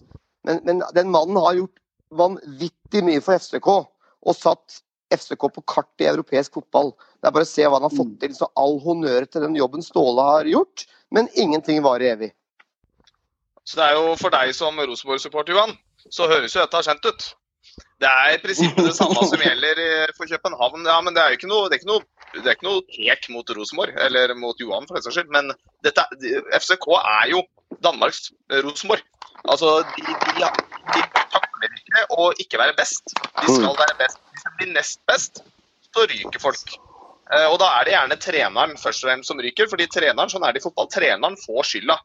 Eh, Så det er følger oppsummeringa til eh, Håvard. Eh, De er nå nest best i Danmark, eh, og de har hatt en nedadgående kurve over tid. Og da må de tenke nytt. Føler i hvert fall at de må tenke nytt og kvitte seg med treneren. Kan dette, Joakim, bli FCK sin bane om at de gjør litt sånne mm, hva skal jeg si for noe, håpløse avgjørelser som også har blitt gjort i Trøndelag eh, med tiden, som gjør at eh, man bare graver seg enda mer ned i dritten, og de neste fem åra så kan det faktisk hende de ikke vinner et gull i det hele tatt. For man eh, du, du skjønner litt hvor jeg vil i den tankegangen? Jo, jeg gjør det, men jeg, jeg tror ikke det. FCK har en Både økonomisk i Danmark så er det en veldig stor klubb. Og de kommer alltid Jeg tror de kommer til å ha muskler. De har jo vært nede på fjerdeplass for ikke så altfor mange år siden, hvor han hadde en skikkelig krisesesong. Men nå kom han opp og vant året etter. eh, Og noen FCK vil alltid være en toppklubb i Danmark, det vil det. Men om de klarer å dra seg opp og få det hegemoniet sitt igjen, det er klart det er usikkert. Det Eh, er, jo det, det er jo det vi snakker om, for de sparker Ja, jo trenere for, å få andreplass etter endt sesong i fjor. Eh, og, og det er ikke godt nok. Det er litt Rosenborg-style, som du sier. Eh, og Det er eh, sånn. det, er gull eller ingenting. Og så, eh, jeg skjønner at man kan synse med om, om det er riktig vei eller ei, men det er en liten fare for at det kan ende der. Selvfølgelig. Eh, Det er det med alle klubber. Du velger en ny retning, og da, da må de jo tørre å stå inne for den retningen og gi den personen tid. Så det blir spennende å se da om de ansetter en Horneland eller ikke. Altså da ikke Horneland direkte, da, men En eh, sånn at de får en sånn type trener og Ja. som ikke fungerer, da. Mm. Men, men det, du har jo også, i dette her jo lagd eh, sjokkbølger i Danmark. Eh, til, det er jo journalister som har vært kritiske til Solbakken og, og hans posisjon. Men som også er sjokkskada. Altså, s- fotballpersonligheter i Danmark er veldig overraska. De så ikke den komme, selv om da Kjøben til og med har da ryket ut av Europaligaen og i tillegg da starta halvdårlig i hjemlig liga. Men de har tross alt bare spilt fire-fem kamper. Vips, så er han ferdig. Og det er, eh, det er drastisk. Så vi vi får se, men eh, nå er det jo en viss annen nordmann som er linka litt, da. Og følg meg på dette resonnementet, Håvard, angående linka litt. Um, jeg skal leke med tanken. Jeg sier ikke hva som er rett eller galt, men jeg lufter det ut. Når Hornland ble ansatt i Rosenborg, så hadde han gjort det greit med Haugesund. Skapt et ok resultat der, og i tillegg trent et U-lag for det norske landslaget. Og han ble ansatt på premissen at, han, eh, at han skulle ha løpa, duellere, kriga. Han skulle ha sånn type fotball oppe, oppe oppe i Midt-Norge, mitt kjære Rosenborg, og det fungerte ikke. Og så var det ut med Hornland. Knutsen derimot har levert steinbra, både i år og i fjor. Men klart han har jo ikke den tyngden og erfaringen over x antall tid som kanskje kreves i en FCK-klubb som Ståle sitter med. Kan Knutsen Jeg skjønner det er fristende å si ja, for han spiller veldig fremoverlent fotball og moderne fotball, som vi kaller det, og mye løpskraft. Men kan dette bli FCKs bane? At eh, Knutsen, parentes, kan bli den nye Hornland? Man ansetter han, men så funker det ikke der, og så faller, på, faller det på erfaring til slutt. Altså Selvfølgelig, men det skal sies at det er langt frem før Knutsen eventuelt tar over den Ja, vel bevares, vi synes Han, litt. han er bare én av mange, mange navn Mm. som nevnes. Og selvfølgelig så slås det her opp i norske medier når en nordmann blir nevnt til å ta over for en sånn jobb. Ja. Ikke sant? Og Mm. han, han har gjort det vanvittig bra med Glimt. Han har ikke gjort det bare vanvittig bra med Glimt de to siste årene, men han, han har bygd opp den klubben fra Obos-ligaen og opp til å bli Norges klart beste lag. Så dette er en lagbygger, ikke sant? Men det er noe helt, helt annet å trene Glimt oppe på Aspmyra enn å ta over Danmarks og Skandinavias største klubb. Det er noe helt annet. Mm. Dette her er som å gå i barnehagen og skal rett inn på universitetet, liksom. Det, det, det er en helt annen liga. Ja, det er, det er, det er så Nei, altså, jeg, jeg sammenligner overhodet ikke Knutsen og Hornland. For det første, Hornland eh, Det beste han har klart, var en bronse. Husk på at Knutsen eh, etter årets sesong er en gullvinner, og en som veit det å vinne gull. Så hvorfor ikke, tenker jeg. Horneland har aldri vunnet gull. Men Meran, vi sammenligner ikke de trenerne. Vi sammenligner med at over Nei, tid nei, så har du har ikke nok Du har ikke nok ja, men du har ikke nok verktøy i bagasjen da, eh, når du begynner å bytte imot nede i Københagen til å kunne rydde unna. Fordi at eh, Knutsen har vært med en stund. Ja, han har vunnet. Men det er når du møter motgang som trener, og da du skal vise deg som en virkelig sterk leder. Og jeg lurer på om han har nok av den bagasjen med seg, da. Det er det jeg synser litt rundt. Sier ikke at jeg Ja, vet. Du må ikke glemme bare at et par år siden så var de i ferd med å rykke ned. og Du ser hvordan han endra på ting der. Mm. Ved å, ved å snu ting og da ha den sesongen de hadde i fjor, og nå til nå å ta gull. da. Mm. Så, så jeg vil si han absolutt har nok i bagasjen og nok erfaring. jeg. Ok. Altså, altså Han er spennende, spennende trener, og, og, og det skal ikke brukes mot Kjetil Knutsen at han har ikke så lang erfaring. Det skal ikke brukes mot Kjetil, for han har jo gjort Han har jo bare på opptur på opptur, han. Fra han fikk sparken i Åsane, så har det bare vært én vei oppover for Kjetil Knutsen. Og de i Åsane må jo sitte og se dumme ut nå, by the way. Men uh, når han tok over der oppe i Bodø, sammen med Åsbjørn Bjørkan, starta som assistent, tok seinere over, så har det bare gått én vei, og det er oppover. Så, så Kjetil Knutsen er en av Skandinavias mest spennende trenere. Det er ikke noe tvil om det. Den fotballen de spiller, den fotballen de spilte mot AC Milan borte. Ikke sant? Men, men det er, som jeg nevnte i stad, et helt annet trøkk. Ja. Det er så trøkk fra journalister osv. fra med... Altså, hele Danmark vil være på som med haukeblikk. Ja, ja. Og det er, det er noe helt annet. Altså, det, du skal ha baller for å ta en sånn jobb. Og det er fire år siden han trente Åsane og fikk sparken. Ja, det har gått én opptur etter det, men eh, fire-fem år i fotballverden er ikke veldig mye. Så som Håvard sier, det er som å være på ferie og være Bodø-Glimt-trener mot å trene FCK. Det er, du kan sammenligne det ca. sånn, da. Sånn noenlunde. Så, men det er spennende å se. Det dukker ikke opp noen danske navn i hatten der òg. Åge Hareide Håvard hadde kanskje vært aktuell hvis ikke han hadde tatt Rosenborg. Det tror jeg ikke er så usannsynlig med kanskje den standingen han har i Danmark med det danske landslaget. Nei, altså absolutt. Åge hadde vært et eh, aktuelt navn. Det hadde, hadde han absolutt vært, eh, tror jeg. Men, men sånn ble det ikke. Og, eh, men igjen, jeg, jeg tror også Bodø-Glimt Eller det veit vi ikke, Håvard. Det veit vi jo ikke. Nei, Kanskje danskene nei, stikker ikke. av, men. Vi, vi veit ikke. Men, eh, men det jeg skulle si nå, det er at Eh, nå datt jeg litt ut av det. Bodø-Glimt. Bodø-Glimt. Eh, Du skulle hinta om Bodø-Glimt. Bodø-Glimt har en trener som har levert. Du falt Nei, ut av det. gle- glem det. Eh, Kjell Knutsen uansett, det er en god kandidat. Ja. Men, men, men det er langt igjen å få den jobben. Ja. Og som jeg egentlig skulle, det er det jeg skulle prøve å si, Glimt vil ikke heller bare gi han bort gratis. Nei, nei, nei. Altså, ikke sant? Det, det her er også viktig. At han har kontrakt der oppe. Det Mm. er ikke bare å bryte den. Ståle til Norge, tenker jeg nå. Ok. Det har du hintet fram om, får se om det skjer. Hvem vet, kanskje Ståle var en liten luring? Kanskje var en plan for å komme seg ut av FC Kollen for å synse langt ut på viddene, slik at han bare kunne tjopp så sin mulighet til å ta over landslaget nå, hvis vi skal dra det helt langt. Håvard, du kan avslutte den praten der før vi går videre. Altså Når det gjelder Ståle, han har jo vært som den eh, fisken som har dette av kroken hver eneste gang. Han har til og med skrevet under han for landslaget, og trakk seg tilbake til Köln-tiden, når han tok over FC Køllen. Så har han vært linka og vært førstekandidaten, til og med før Høgmo fikk jobben. Takka nei. Takka nei når Lagerbäck fikk jobben, ryktes det. Og nå er han ledig på markedet. Og vi har en pensjonist som leder vårt landslag. Og vi har ryket ut fra EM. Det, det ligger jo korta her, mener jeg, at sitt ut 2020 når Lars Lagerbäck, og så tar Ståle over i 2021 og er klar for ny VM-kvalik. Det håper jeg. Da får vi se åssen det blir. Eh, Vi skal se litt på Odd, vi. Eh, I et intervju tar Rossbakk et kraftig oppgjør med det han mener er en ukultur i klubben. Jeg sier Rossbakk, så er det keepertrener i klubben, som i hans øyne kan ødelegge om Odds framtid for en toppklubb. Særlig sportssjef Tore Andersen får unngjelde her. Rossbakk sier bl.a. at Andersen i mange år har vært nærmest enehersker i Odd. Samtidig så sier eh, reservekeeper Egil Selvik at eh, det er modig å gå ut på denne måten. Det er, det er godt for min del at en som har vært så lenge i klubben, føler på det samme som meg, sier Egil Selvik, som også ble nekta utlån til Glimt før sesongen, som gjerne skulle helst vært et annet sted. Tor Andersen har jo sittet i ja, skal jeg si for noe? En halvt liv som, eh, som eh, ikke sportslig leder, kanskje, men vært i, vært i Odd-klubben i, halv- i et halvt liv med en eller annen form for rolle. Og veldig mange mener jo at han har litt for mye makt mellom dørene i Skienstraktene.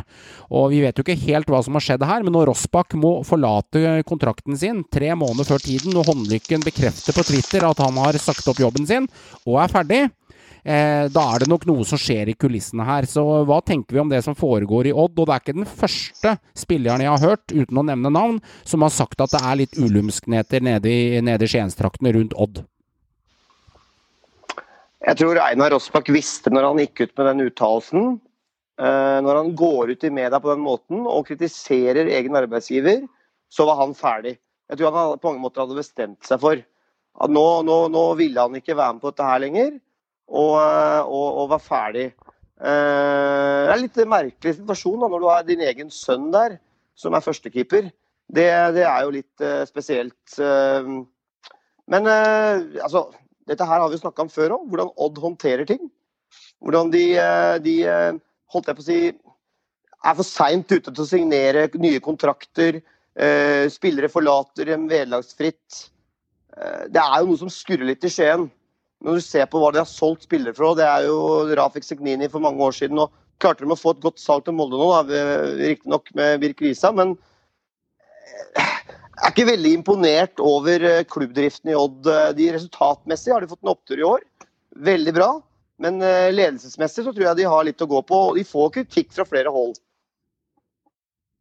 Lurer på om Rossbakk er faktisk inne på noe. Så må huske på at han har vært der mange år. Utvikla André Hansen, sin egen sønn Rossbakk, Viljar Myra, Selvik her nå. Jeg tror han er absolutt inne på noe. Altså. Jeg tror han rett og slett er møkk lei Tore Andersen og den jobben han har gjort. At han går sin sak. Så jeg tror han faktisk er inne på noe. Og vi, vi har jo syntes om dette her før. Hvor god sportssjef er egentlig Andersen? Gjenstår å se, da. Det gikk jo rykter om rykter om at han eventuelt snart skulle gi seg, men vi får se nå, da. Nå har det vakre ansiktet hans vært på TV ganske mye. Blant annet i siste deadline dayen så skrøt han og sto i og hvor flinke det var til å selge og utvikle sjøl. Det var en periode, vet du, vi trodde nesten at Bentley var fra Telemark, for de snakka så mye om sitt eget produkt. Så manipulert ble vi jo en periode, Håvard. Så, så Telemarksmodellen, ja, den lever, den, men hvis spillere på veien her føler at de ikke blir sett, hørt eller får spilletid, og det foregår ting bak dørene, så er det jo litt et luftslott som bygges opp, og så kommer det litt for en dag her også. Ja, altså, absolutt. Jeg syns jo den situasjonen der med Selvik, som er tydelig et andrevalg, eh, som er en fremadstormende keepertype, som blir avspist da med, med, med å sitte på benken og ikke få spilletid. Altså ikke å låne ut han til en annen klubb for å gi han spilletid, altså, er merkelig håndtert. Eh, når du har da to såpass jevne keepere, og da ikke, ikke gi han spilletid og muligheten til å utvikle, eller i hvert fall selge han. da. For Glimt ga visst også, så vidt jeg veit, et ganske bra tilbud på bordet for å sikre seg denne keeperen. Men det nekta da Odd. Og det syns jeg er merkelig håndtert. Men det var jo også mye av dette Fagermo var lei av til slutt, som eh, gjorde at han ville eh, prøve noen nye utfordringer i en større klubb. Og Det er nettopp den der kontinuiteten. At han konstant mista spillere. Ikke hadde råd til å eh, signere de gode spillerne på ny kontrakt, sånn at de hele tida gikk ut døra uten, uten å få igjen noe penger for dem. Dette her er, eh, dette har vært eh, pågått ganske lang tid. Og jeg tror Rossbakk senior er absolutt inne på noe her i forhold til klubbdrift. Ja, og søker du litt tilbake i tid for den som er veldig interessert i det, så både Grøgaard, når han dro derfra, og Myra, som dro til uh, Godset, forlot uh, Det er egenoppfostra spillere i Skiensdraktene. De forlot jo, uh, forlot jo Skien og Odd gratis, uten at de la inn en krone i klubbkassa. Og det har vært spekulert litt grann om at man er for gjerrig på disse kontraktene på unge spillere. Eh, eksempelvis Del Averis for et år siden, som herja i fem, seks, åtte kamper. Og så eh, hadde han så lite lønn at han fant ut at eh, jeg sa, skal jo faen ikke spille her, så jeg reiser ut. Og da er det interessante poenget. Går det ikke an å lønne disse spillerne på ett én hylle høyere, Joakim? Slik at de faktisk har lyst til å spille der. Og signere nye kontrakter. For du må jo ikke være så gjerrig vet du, på ukepenga til eh, unga dine at de ikke gjør husarbeidet ditt, hvis du skjønner hva jeg mener. Du må gi litt til døra for at de skal kunne ønske og ville å være og yte. Ja, altså, for å si det sånn, Det har jo pågått lenge. Eh, Du kan jo gå tilbake igjen til ja, hva, 2007 også. Så var det en viss spiller som eh, klarte å seg ganske greit i Strømsgodset en periode, som også gikk ut fordi han aldri fikk sjansen i Odd. Han kom jo tilbake til Odd eh, nå fremdeles, men eh, Nordkveldet var jo samme deal. Han dro jo dit fordi han aldri fikk sjansen. Følte ikke han ble satsa på. Mm. Så Odd har slitt med å ta vare på store, unge talenter før. Men det vi ikke skal ta fra Odd, det er å gi unggutter sjansen å, å, å spille fotball. Der er de ekstremt dyktige. Eh, Nordnes og Fagermo har vært gode på det i mange mange år, å gi unggutter spilletid. Men det er det der da, å gi dem den belønninga de fortjener, som du er inne på. Der har de mye å hente, tror jeg. Og de bruker for lang tid for å gi dem ny kontrakt. Og så glipper de gratis. Hei sann, det er Lars Jørgen Salvesen fra Godset her. Nå er det tid for quiz, gutter. Spiss ørene, gjør dere klare. Nå skal det kjempes om poeng. Da er det bare å spisse øra mer, enn Håvard Joakim, og, og gjøre dere klare. Så skal jeg fortelle reglene om den nye quizen. Den blir eh, egentlig enklere, men også egentlig mer komplisert. Men den er delt inn i eh, en individuell runde, og så er delt inn i en fellesrunde. Og sånn vi gjør det denne gangen, er at jeg har delt inn i tre kategorier. Eh, og det er fleip eller fakta. Det er svar skyldig. Og så følger vi opp med Hvem er jeg?, som er en suksess, da jeg beskriver spilleren. Jeg bruker Steffen Iversen som alternativ eh, til dere, at jeg beskriver hvem vi skal ta, og så tipper vi. Jeg syns den forrige versjonen av Hvem er jeg?, da må man si Håvard, og så sier han f.eks. Steffen Iversen, og så øh, omgjør komme førstemann Tore. Jeg syns det var en fin sånn battle. Jeg dere, syns dere tok litt sjanser alle sammen, og dere kasta dere på tidligere. Det var der Meran avgjorde alltid sin seier til slutt. Så dette er delt inn i tre kategorier, men det er gjort på denne måten. Eh, helst ikke så mye rot i bakkant, Håvard. Når du drikker og holder på, så er det reine eh, dunkefesten på andre sida. Takk skal du ha. Fleip eller fakta? Svar skyldig, og hvem er jeg? Det vi gjør, er at fleip eller fakta og svar skyldig, de er individuelle. Den er kun stilt til hver av dere, så da får du eh, Da kan ikke de andre si noen ting. Og så avslutter vi det på Hvem er jeg? Er er dere med? For hver gang dere klarer en fleip- eller faktasetning, så får dere ett poeng. Når dere klarer en svar skyldig, så får dere to poeng. Og den siste, som er up to grabs, er Hvem er jeg? Da er det førstemann til mølla. Klarer man den, så får man tre poeng. Vi teller altså ikke ned fra 11 til 1. Det er førstemann som tipper spilleren, får tre poeng. Så man kan gjøre mer Meran man kan gjøre reint bord på fleip eller fakta med tre påstander eh, og få tre poeng. Men så kan han tape ni poeng til Håvard på Hvem er jeg? Det er om å bare grabbe til seg. Tok dere den? Hvor mange spørsmål skal du stille hver runde, altså? På fleip eller fakta så får alle tre påstander. På svar skyldig så får alle tre påstander. Og på Hvem er jeg så går vi gjennom tre spillere. Men der er alle med. Ok, Den, den sparer vi. Så da ta, tar vi fleip eller fakta. Dere kan jo bli enige hvem som skal starte her. Det er det samme for meg. Jeg har satt opp i rekkefølge her på, på, på påstanden og alt sammen. Så det, skal vi starte fra, fra yngst til eldst, eller åssen gjør vi det? Hva ønsker dere? Eller motsatt? Vi kan starte fra regjerende mester, ja. Det er helt riktig, det. Eh, ok, ok. Regjerende mester. Greit. Da skriver jeg Meran. Eh, skal vi ta med Joakim nummer to eller Håvard nummer to? Hva ønsker dere? Bli enige, gutter. Jeg kan være i midten, jeg. Er du i midten? Og så avslutter vi med Håvard. Er den grei, Håvard? Er du uenig i det, så må du si fra. Da hadde jeg sagt det. Bra. Da starter vi Meran. Da får du fleip eller fakta, Meran. Eh, tre påstander, og det er egentlig veldig enkelt. Påstanden er enten fleip, altså bullshit fra meg, eller så er det faktasetning. Er du klar? Håkon Evjen, Jeg er klar. Håkon Evjen skåret ti mål sist sesong. Fleip eller fakta? Det er fleip. Det er riktig. Han skåret, han skåret 13. Ett poeng. Åge, ha, Åge Hareide har trent klubben Ørgryte i Sverige. Fleip. Det er fakta. I 2009. Toppskåreren for Enga i 2019 var Bård Finne. Det er fakta. Det er riktig. Det er fakta.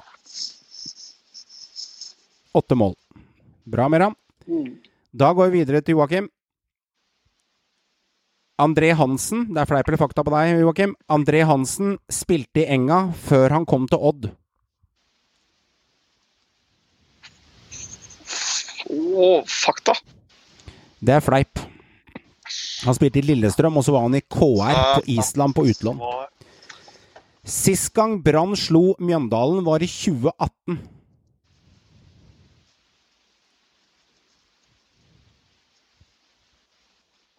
Nå husker jeg, jeg Hva, hva skjedde sist kamp nå? Sist gang Brann slo MIF, Ja, det. var i 2018. Uh,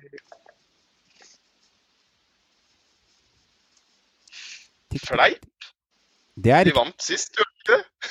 Nei da, men du svarer fleip, og det er korrekt. For de har ikke vunnet mot bra Mjøndalen på 30 år, hvis jeg drar på her, liksom. Så er det Du har riktig, det er faktisk poeng, selv om du sy- resonnerer Ja, resonnerer deg gæren fram, men du svarer Ja, fleip, og det er lov. Eh, Christian. Christian Bolanjos eh, har spilt i Major League Soccer og dansk fotball. Fakta. Det er riktig. Bra. Det er korrekt. Han spilte for med Vancouver, eh, Vancouver Whitecaps, som faktisk er et canadisk lag. Men de spiller i eh, Major League Soccer, så man kunne blitt lurt av det hvis man kjente et lag han spilte for. Da gjør du eh, to poeng, du. Eh, og Meran gjør to poeng. Håvard, du får tre påstander. Er du klar? Mm. Hønefoss holdt seg i 2013 og 2014 og rykket ned i 2015.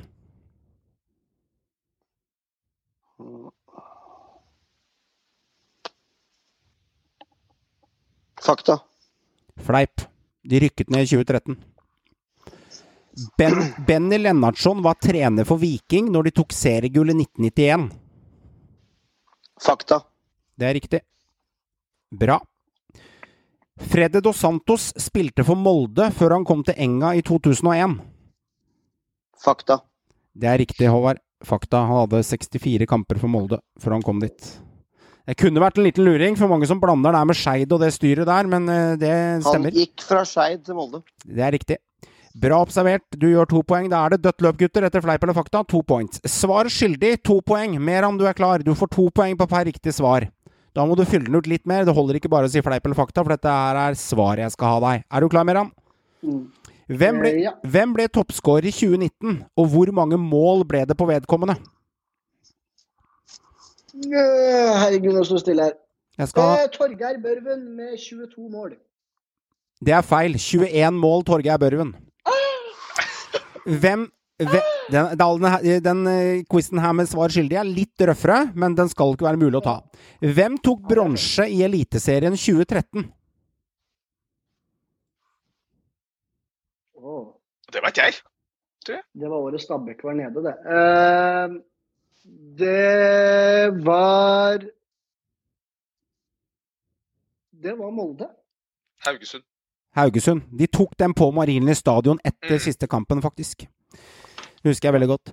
Hvilken nasjonalitet har Bamba? Oh.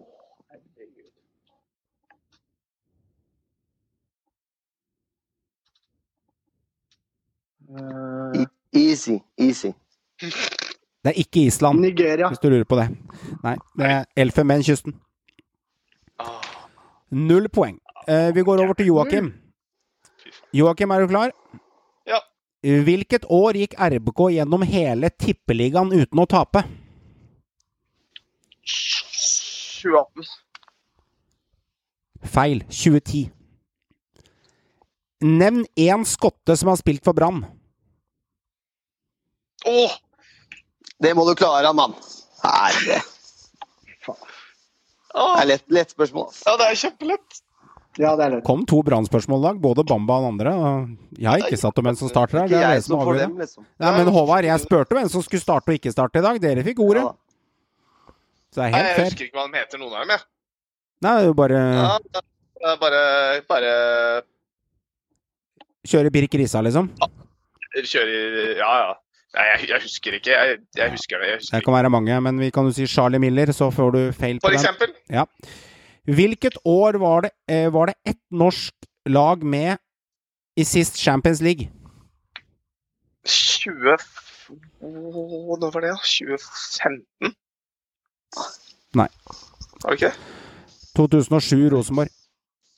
Fy fader, det var enkle spørsmål, ass. Helvete. Håvards tur. Jeg skulle heller hatt Haugesund. Håvards tur. Null poeng, Håvard. De har ikke tatt et poeng. Vi kan, du kan sette, sette støtet nå. Hvem er sportslig leder i Lillestrøm? Simon Messvin. Det er korrekt. To poeng. Hvem vant gull i Eliteserien i 2011? –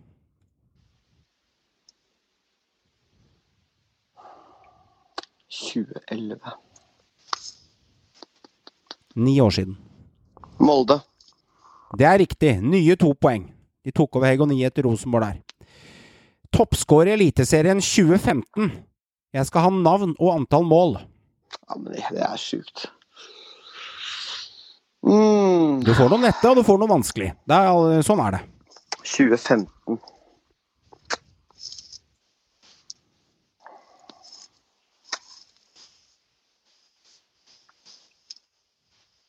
Christian Gytskjær.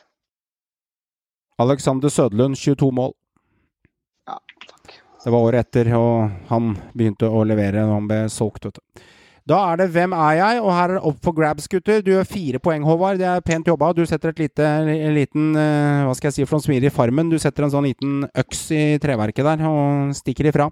Da er det tre spillere opp for grabs. Klarer du spilleren, sier Joakim Joakim har lyst til å tippe, og du bommer Joakim, så er du ute av valsen. Da har du brukt opp muligheten din. Du får ikke lov å si navnet ditt mer enn én gang. Er, det, er reglene forstått? Ja. Takk. Hvem er jeg? Jeg leser hint om eh, spilleren. Ehm, jeg starter med 44 år i dag, 1,79 høy. Midtbanespiller. Spilte i skotsk liga på 90-tallet. Ankom Norge tidlig 2000-tallet. Spilte i Norge i tre år. Står med scoring i hver tredje kamp for norsk klubb. Er sett på som en minilegende i klubben. Blir husket. Håvard. Vær så god, ordet er ditt. Robbie Winters. Det er feil. Nei, det var faen ikke han. Spil, Ah, spilte for fire klubber etter opp... Jeg må lese setningen ferdig. Spilte for fire klubber etter oppholdet i Norge. Ordet er ditt. Charlie Miller. Det er korrekt. jeg sa feil, vet du. Jeg visste jo det. Er det mulig, ass? Jeg bare Faen, ass. Da er det en liten, tri, Håpløst. lita, liten, liten eh, treer der på Meran. Da går vi videre til neste spiller. Åh, er det mulig? Debuterte i norsk, eh, for norsk lag i eh, øverste divisjon i 2003 som 16-åring. Men gjennombruddet hans kom en del år senere. Er 34 år i dag. Han er fortsatt aktiv. Solid karriere. Vært lenge ute. Er norsk. Spilt i to klubber i utlandet. Én er i fransk fotball. Over 30 landskamper for Norge. Midtbanespiller. Jeg kan beskrive han som sterk, løpsstyrke og god mentalitet. Spilt Champions League i 2007 med Rosenborg. Solgt noen år senere til nevnt, nevnte land, Frankrike, altså til en fransk klubb. Spiller ikke i Frankrike i dag. Spiller på Balløya. Spiller i gul drakt med noe striper på. Kallenavnet Jeg bare gjennomfører setningen siden jeg har starta. Kallenavnet lokalt er Eddie eller The Bulldog. Alexander Tetti. Det er korrekt, Håvard. Alexander Tetti. Altså, vet du, Det er så pinlig at jeg sa Robbie istedenfor Charlie Miller. Den er grensa over, altså. Det. Å, fy fader. Som Narvestad ville ha sagt, altså. Sånn er det, altså. Når du er tidlig på avtrekkeren. Sånn er Jeg bare datt ut av meg. Jeg Tetti, da. Robbie Winters. Tok Ja. Tetti, da. Så da tok den tre hver. Da går vi på siste her. Eh, midtstopper, aktiv i dag. Vært i utlandet, eh, vært i utlandet i fem-seks år. Flere utlån til klubber. Vært skadeplaga, noe undersnakka spiller de siste årene. Kanskje noe glemt. Enormt toppnivå. Skader har holdt han litt kjølig i rampelyset. Vedkommende er fra Sørlandet. Spilt i Enga i tre år, fra 20, 2009 til 2012 Håvard. Solgt videre innad i Norge etter Enga-periode. Håvard, spilleren er Jeg er for tidlig ute igjen, ass. Johan leder i Bjørdal, men det er jo ikke han. Det er ikke han. Det er godt på forsøk. Fortsetter. Overgangssak med norsk klubb som, som roet seg ned. Versko kontrakt for masse år siden. Har under 15 landskamper, men er fortsatt aktuell for landslaget til Norge i 2020. Spilt i Russ Russland og Tyskland. Har også Meran! Ja, jeg, jeg skal gjennomføre setningen, for jeg starter på den. Har også spilt for RBK i Norge før han gikk ut. Stefan Strandberg. Det er korrekt. Der var det ikke mange For hint. tidlig ute. Jeg er for tidlig ute der, altså. Men du må, være litt, ti- du må være litt tidlig ute òg. Jeg blir, jeg blir Ja, for lett på avtrekkeren. Trigger happy. Ja, ja, ja, trigger happy. Det er bra du gønner på, for at i lengden så vil det kanskje lønne seg, for å si det sånn. Fordi ja. det, vi skal gjennom flere quizer, og hvis man, hvis man gjør som Joakim, hint, hint mot Drammenselva da, Joakim, og ikke kaster ut navn, så blir det ikke poeng heller. Nei, men uh, Det er bare å kose meg. Du er litt søt da, du bare ja, jeg koser Det er hyggelig å deg. være med, liksom. Du har gul bil, da kommer du unna med alt. Det er gul bil, og dette er langrenn for meg enn så lenge. Så Ja, da går det er greit. Eh, Heia Charlie Miller. Meran, du drar, en, eh, du drar seks poeng, eh, seks poeng på Millern og Strandberg. Håvard drar en Alexander 33. Sagmoen han disker opp med, med fire poeng i svar skyldig, så du ligger på førsteplass, i Håvard. Og der tar de andre gutta null, og så tar dere to poeng hver i eh, fleip eller fakta. Hvordan syns dere dette var med disse tre oppgavene her, og var quizen grei, Meran? Ja da, absolutt. Jeg skammer meg over litt svar skyldig, men uh, det er bra. Det er litt nivå på disse quizene her, altså. Så det, det er moro, det. Men dere klarte jo mange av de òg, så det, er, det skal jo være litt spennende også, ikke bare være enkelt, liksom.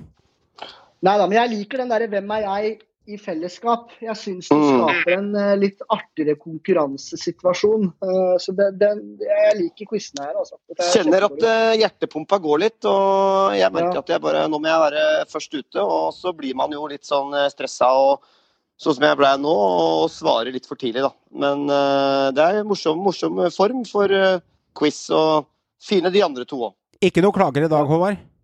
Nei. Nei, det er Joho! Quizmasteren på selveste bursdagen til Jolpe Hauge, så leverer han til innertier i dag, altså. Dette er bra. Det er moro å høre. Da kan jeg diske opp en sånn fleip eller fakta. Hvem er litt sånn der, Eller sånn eh, svar skyldig. Hvem eliteseriespiller er mest glad i softis? At jeg sjekker ut det svaret og finner ut av det, og så må dere svare på noe sånn sånt noe. Det er humor, da. Du har, et, du har et unormalt forhold til softis, altså. Ja. Ja, det er bare bra, godt dere er fornøyd med quizen.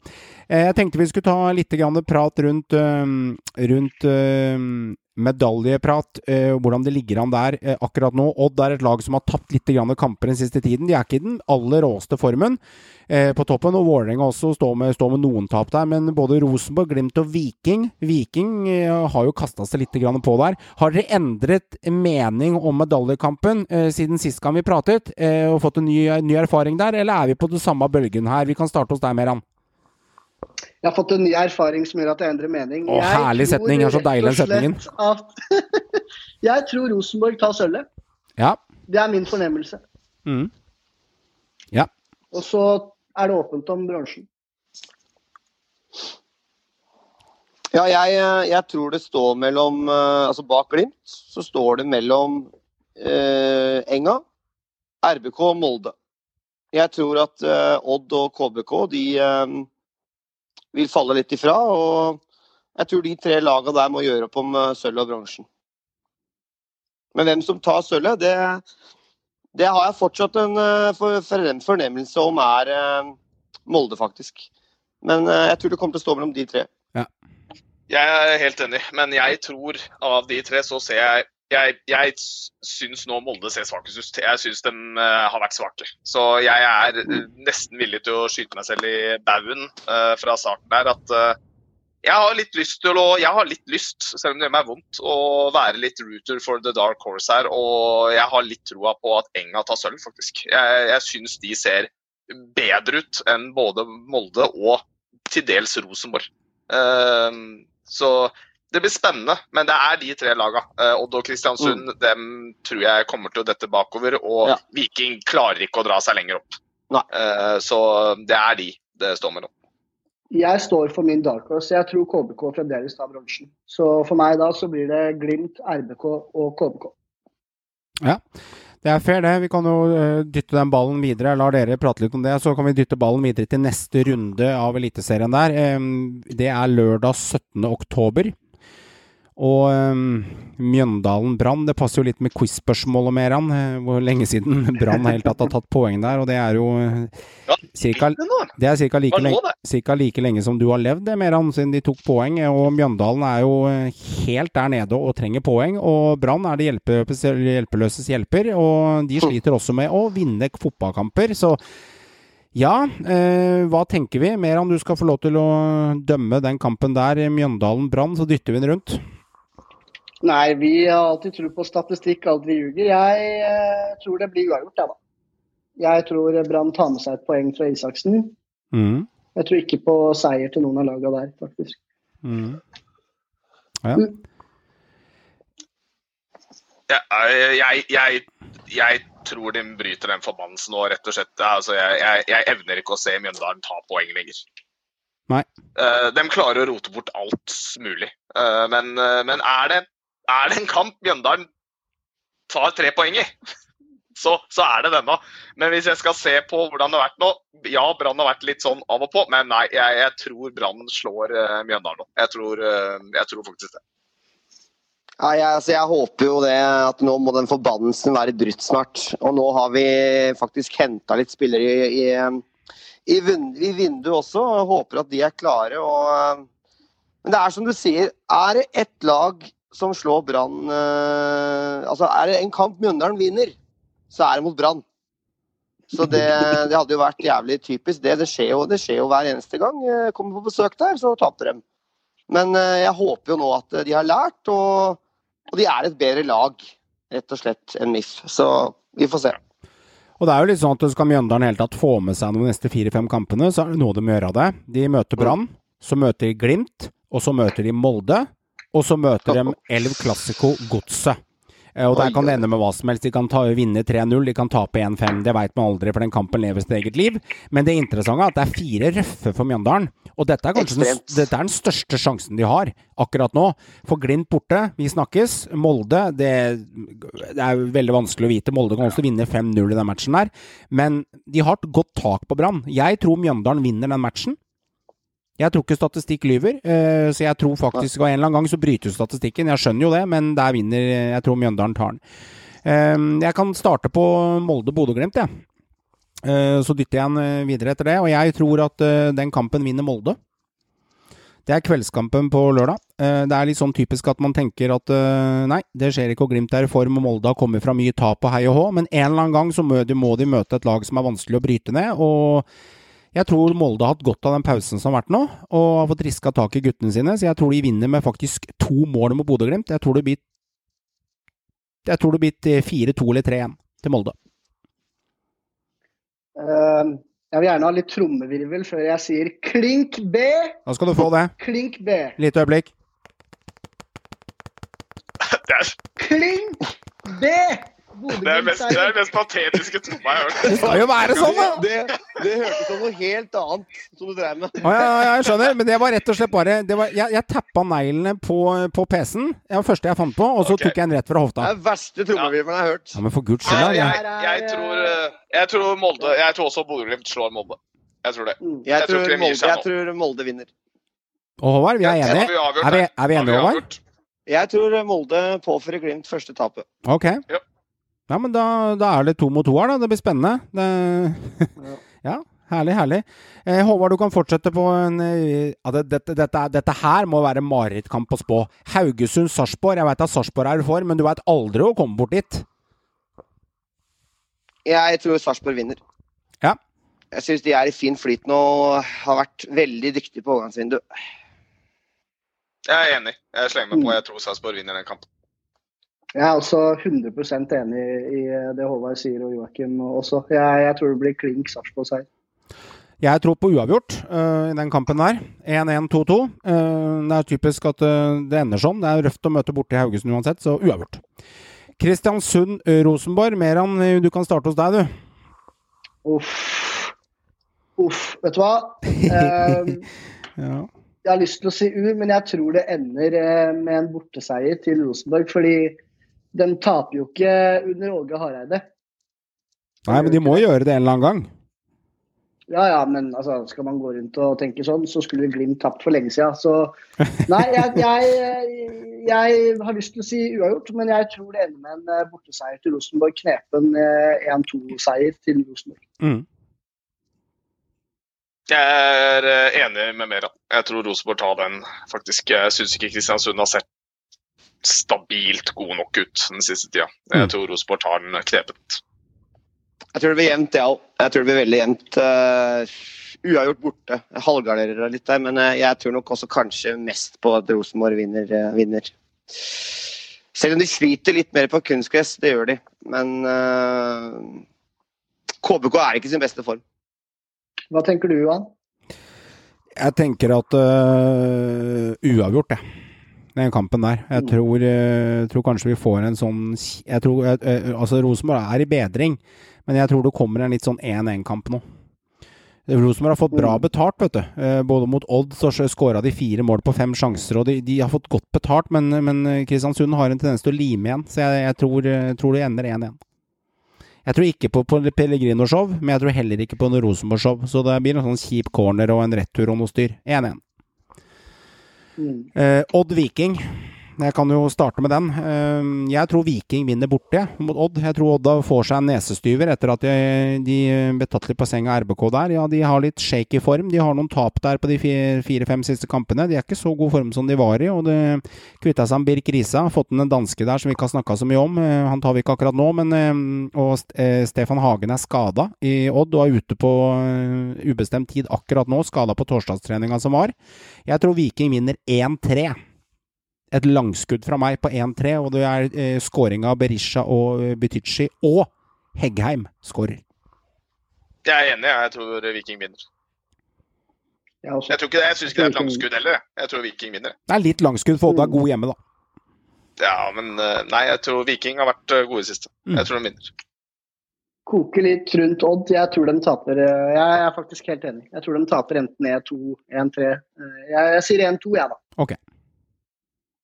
Er du enig, Håvard? Er vi, enige, er vi første gang enige i dag på uh, All Eyes on Viking, eller hva tror vi?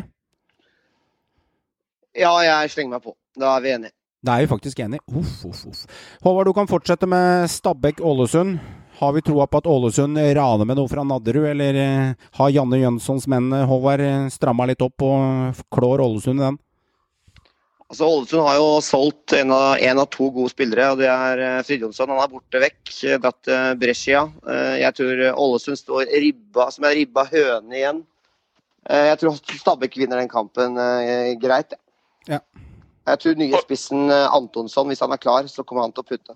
Mm. For å stjele mer hans ord for, til hans eget lag, jeg tror det er en klink K. Jeg personlig tror vi eh, skal slite, og så tror jeg vi vinner knepent 1-0. Skåring av Antonsson i debuten. Han er klar, forresten. Det, ja, jeg tror Stabæk vinner greit. Ja, altså. Mm. Jeg tror på 1-1. Det er sånn typisk kamp som eh, en skikkelig skitkamp, og noen uavgjort må det bli den runden her. Stabæk eh, er ikke kjent for å skåre fryktelig mye mål, og Ålesund, uansett om de har mista Fridtjonsson, de er litt ekle. De er litt ekle å håndtere. Det er ingenting å tape, så jeg tror, tror de kommer til å gå forbi en 1-1 den kampen. her. Lan er en luring. Han er luren som så, så jeg tror det ender 1-1. Eh, God- Godset start. Vi kan starte hos deg, eh, Joakim. Nei, jeg tror jo egentlig på H, men uh, jeg må jo si det. Men uh, det blir jo uavgjort, da. Altså, Godset spiller jo bare uavgjort, så det blir vel 2-2, regner jeg med. Men uh, nei da, jeg må jo Godset har sett ganske god ut, men de har en tendens til å rote bort ting på slutten av kampene nå. Men jeg tror de vinner. Men det lukter jo uavgjort, da. Det gjør det. Jeg må innrømme. Frykter du tap, med tanke på at Godset i- i- Nei, nei, jeg gjør egentlig ikke det. De, de har egentlig vært øh, de, de har De taper ikke kamper lenger, og de slipper heller ikke inn mye mål. Eh, Det er bare det at de klarer å rote bort seire. De blir litt for trygge på seg selv. Jeg tror ikke Start vinner. Det tror jeg ikke. Jeg tror Go- eh, Godset får poeng. Men eh, de bør få tre poeng. Men. De Mm. har en tendens til å spille uavgjort. Så 2-2 det er et bra bet hvis du går på langoddsen og skal tippe resultat. Ja, for de har limt litt igjen nå, Godset. Det har vært litt kjedelig de siste rundene. De har spilt 3-3 og 4-4 og 1-4 og sånne skikkelig jalla-resultater som vi elsker å se. Klart det var 2-2 mot Viking sist. Den er jo litt grann eh, Der er det litt mål, kasta da. bort, på slutten av- bort på slutten av kampen igjen. Og Men, Sarpsborg eh, 0-0. Sarpsborg 0-0 og Sandefjord 0-0. Så det er veldig mye halvkjedelige resultater på Godset. Og det er kanskje bevisst fra Pedersens menn at de prøver å lime igjen, Håvard. Har du troa på at de klarer å stoppe Bolanjos og El Makrini, eller tror du faktisk at eh, Start har litt i bagasjen å komme her? Altså, Jeg tror på godseseier, det gjør jeg faktisk. Mm. Men uh, det er en ekstra nerve i kampen. Uh, hvis Start uh, vinner her, så er de rett oppe i ryggen på godset. Så eh, Men jeg tror at godset skal være et bedre lag hjemme på Marienlyst. Ja. så jeg, jeg tror faktisk at godset drar i land den. Men det er en særdeles viktig kamp, Meran. Ekstremt viktig for med de poengene som Mm. Håvard sier. Jeg mener det var eh, sist i 2018 Start vant en bortekamp. Stemmer det? Jeg hørte det. Eh, Jeg sier eh, jeg, jeg, Fornemmelsen min sier 3-1-seier til Godset. Mm. Ok. Men det er viktig at godset får eh, knekt, eh, knekt eh, nakken på den fisken der, altså. For å si det sånn. På makrellen, for å bruke litt uttrykk. De må få trepoenger nå. Det, De må det, faktisk. Ellers så begynner Start, som Håvard sier, å komme opp i ryggen. Men ja, de må få trepoenger, og de må komme mot disse lagene. Mm. Start puster dem i nakken da, men, men ja, jeg tror godset. Og Godset har ikke noen enkle oppgaver i kampene som følger heller. Så de, de bør få tre poeng. Uten tvil. De kommer fra en veldig sterk seierstart, 5-1, så de har selvtillit når de kommer til Drammen, da. Slo Haugesund. Så um, ja, vi får se. Det kan bli mer spennende enn som så. Eh, Joakim, du kan starte med Sandefjord Enga, som avslutter runden som kveldskamp på søndag halv ni på kvelden. Den er, den er litt kinkig, faktisk. Sandefjord har, de har virkelig vist seg som et tungt lag å møte de siste rundene. Mm. Men um, Enga igjen da, har liksom hatt gode kamper mot gode lag. Uh, har liksom bare hatt den 2-0 mot Glimt. Mm.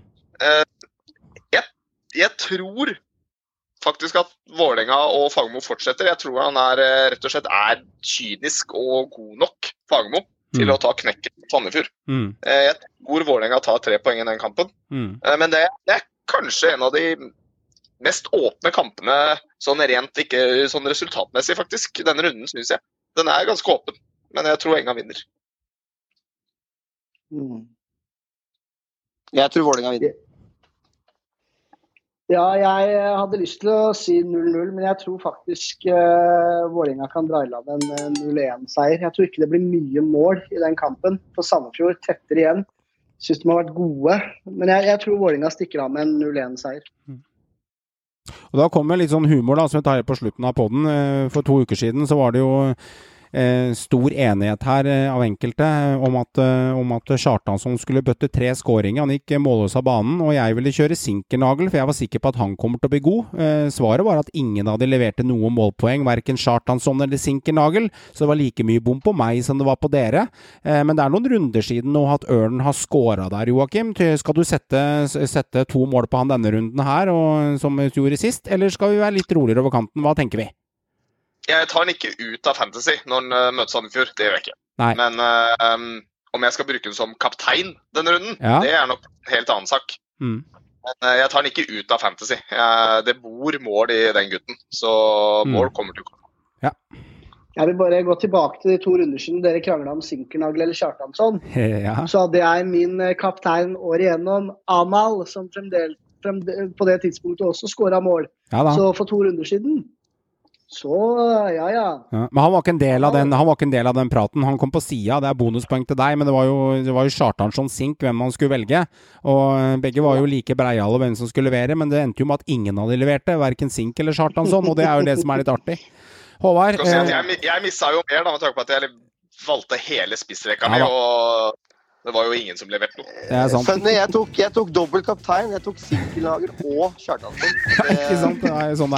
Håvard, du kan avslutte ordet med å, å avslutte dagens episode, og så kan du få spå resultatet, Håvard, i eh, Sandefjord, eh, Vålerenga. Og spå helst det riktige, så vi avslutter på pen måte. 2-0 Enga.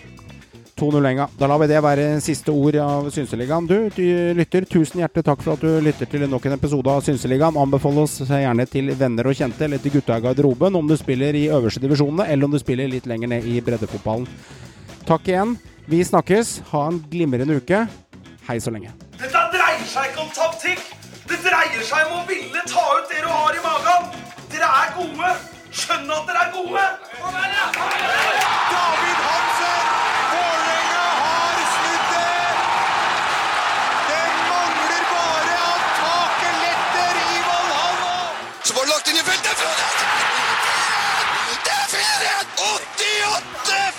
45 på tavla!